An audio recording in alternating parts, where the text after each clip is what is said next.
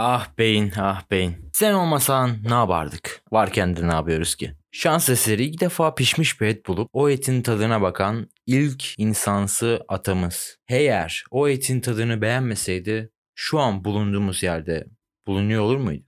Aynı teknolojiye sahip olur muyduk? Aynı beyin yapısına sahip olur muyduk? Beyinle ilgili ilk konumuza geçmeden önce söylemek istediğim ufak bir konu var. Beynin gelişimiyle alakalı püf bir nokta. Aslında bunu anlarsak geri kalanını anlamak daha kolay olacak. Aslında beyin de diğer organlarımız gibi, diğer canlılar gibi bir evrim sürecinden geçtiğini biliyoruz. Bunun hakkında birçok araştırma siz de belki okumuşsunuzdur. Ama ilk başta bilmemiz gereken şey kalori ve de evrim mekanizmasının gereksiz olan her şeyi atması. Gereksiz olan her şeyi atması kısmı aslında bu konuda çok fazla konuşulmayacak. Çünkü gereksiz olan şeyler insanın kuyruğuydu. insanın daha daha iyi yemek yemesini sağlayan 20'lik dişleriydi. Ama şu anda bu konuda değiliz. İlk başta kaloriden başlayayım. Kalori konusu pişmiş et dediğim gibi en başta pişmiş et dediğim için devam ettiriyorum. Pişmiş et ya da pişmiş herhangi bir gıda ateşi bulmamız. Bunların hepsi bağlantılı konular ve insanlar ilk önce ateşi bulduktan sonra pişmiş et ve pişmiş diğer kaynamış mesela yiyecekler yiyip mideleri için gereken kaloriyi azaltmışlar. Ama bu insanları o anda akıllı yapmamış. Daha sonrasında adım adım milyonlarca yıl gelişen ve yeni doğan nesillere aktarıla aktarıla çok küçük küçük farklarla. Aslında geçmişte de şimdiki gibi daha düşük zekalı ve daha az zekalı insansılar varmış. Bunların anlamak için günümüzden örnek verdim ilk başta. Çünkü eğer bunu anlamazsak yani bu ateşi bulan, ateşte yemek yapan insanlar diğerlerinden o anda da daha zeki olan insanlar olabilir. Belki de olmayabilir. Belki şans eseri olabilir. Ama bu o insanların, insansıların farklı olduğunu gösterebilir bize. İlk önce ilk konumuza geçelim. Beynin evrimi olayını en baştan kavrayabilmek için ilk önce beynin neden oluştuğunu görmemiz lazım. Aslında beyin bizim bilgisayarlar için kullandığımız silikon materyaller, diğer elementler mesela altın böyle değerli metaller bulunuyor. Aslında beyin çok basit bir şey. Kek tarifi gibi size verebilirim içinde ne olduğunu. 1 litre su, 160 gram yağ, 110 gram protein, 15 gram şeker, 10 gram da tuz var. Ama siz bu elementleri, bu bileşenleri toparlayıp bir beyin elde edemezsiniz. Yani eğer edebiliyor olsaydık şu anda dünya tam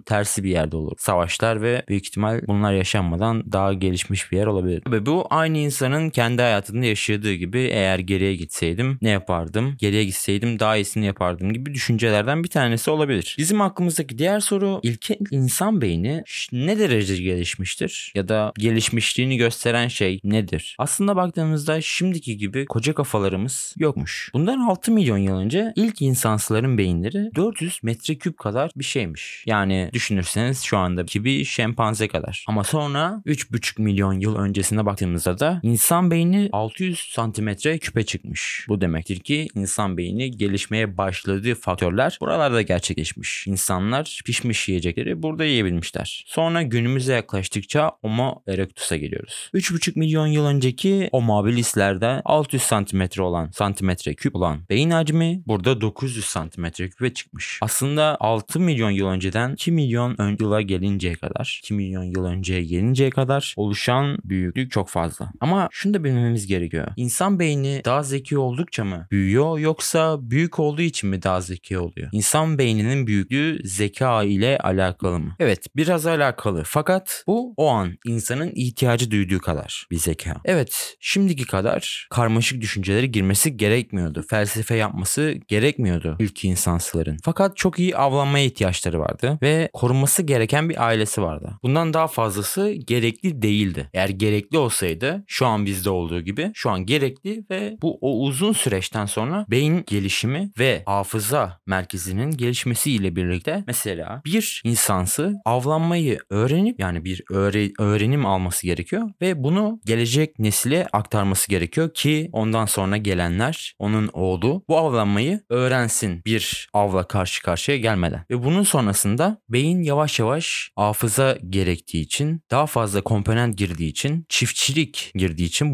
bundan 10 bin yıl önceye gidersek eğer çiftçilik gerektiği için bu beyin bu yönde gelişmeye başlamış. Aslında şu anda çoğu şey bizim beynimizin evrimleşmesi beklenmeden yapılıyor. Bu gördüğünüz telefonlar aslında beynimizin bizim ödül sistemimizle oynuyor. Mesela YouTube. Siz hangi konuyla ilgileniyorsanız dopamininiz hangi videolarla artıyorsa Aslında YouTube sizin önünüze bu videoları seriyor. Ve siz bu döngüde takılıp kalıyorsunuz. Instagram Reels'leri, Instagram storyleri ve Instagram'ın sayfasının güncelleme efekti. Bir şey bekliyorsunuz ve telefon zili çaldığında sanki Pavlov'un köpeği gibi hemen açıp bakmak istiyorsunuz. Ne bildirimi gelirse gelsin. Çok gereksiz bir şey de olabilir. Sizi ilgilendirmeyen bir şey olabilir o an. Ama ne yaparsanız yapın gidip o bildirimi okuyorsunuz. Bunun sebebi biz daha bu şekilde evrimleşmeden bizim önümüze çıkan bu etkiler yüzünden aslında karmaşık bir şey, karmaşık bir şekilde ne yapacağımızı bilemeyişimiz. Tabii ileride radyasyona daha dayanıklı insanlar, gözleri ekranlara dayanıklı insanlar veya daha farklı insanlar olabilir. Ama bunu bilemeyiz. Bu dediğim gibi çok uzun dönemler. Belki de ekran teknolojisi o zaman eskiyecek ve buna gerek bile kalmayacak. Çünkü teknoloji gerçekten evrimimizden çok çok çok hızlı gelişiyor. Neden bu kadar abartarak çok çok çok dedim? Çünkü bunun sebebi gördüğünüz gibi 6 milyon yıl içerisinde gelişen insan beyninin gelişmesi sadece %50'lik bir genişleme olmuş. %50'lik bir gelişme olmuş. Ama gördüğünüz gibi teknoloji sadece 20 yılda geldiği boyutlarla çok farklı bir yer vardı. İlk insansıların da şimdiki insanlar gibi zekaların eşit olmadığını söylemiştik. Şimdiki insanların neden zekaların eşit olmadığını anlatarak geçmişteki insanların da neden zekaların eşit olamayacağını anlamanızı istiyorum. İlk önce bildiğimiz gibi genetik faktörler var. O insanın atasından gelen genleri. Aslında çok çıkmaz bir yol. Eğer sizin atalarınız genlerinde böyle bir zekilik, süper zeka geni yoksa maalesef ama yani bu geliştirebileceği yere kadar geliştirilebilir bir şey. Çünkü çevresel faktörler dediğimiz faktörler de var. Bu çok zeki bir soydan gelen bir insanın çok da akıllıca işler yapmayacağı bir olasılığı da getiriyor bize. O yüzden geçmişte de böyle şeylerin olabileceğini düşünebiliriz. Yani her insanın aynı çevresel faktörlere sahip olmadığı ve bu insanların bir şekilde hayatını idame ettirip soylarını devam ettirdiğini biliyoruz. Farklı zeka seviyeleri fakat aynı tür. Umarım bu tür şimdi de gelecekte de var olmaya devam eder. Umarım birbirimizi yok etmeyiz. Evet gittikçe zeki oluyoruz. Ve evrimin bu sert etkilerinden de büyük ihtimal teknolojiyle kurtulmaya devam edeceğiz. Organ yetersizliği yaşayan insanlar başkalarının organlarını şu anda nakil edebiliyor. Fakat belki ileride kimse kimseye organ takısı yapmak zorunda kalmaz. Veya başka bir şey yapmak zorunda kalmaz. Yapay organlarla normal organların daha performanslarını elde edebiliriz belki. Umarım o zamana kadar yaşarız. Umarım herkes mutlu olur. Uzun bir hayat sürersiniz. Uzun ve mutlu. Bir dahaki videoya kadar görüşmek üzere. Kendinize iyi bakın.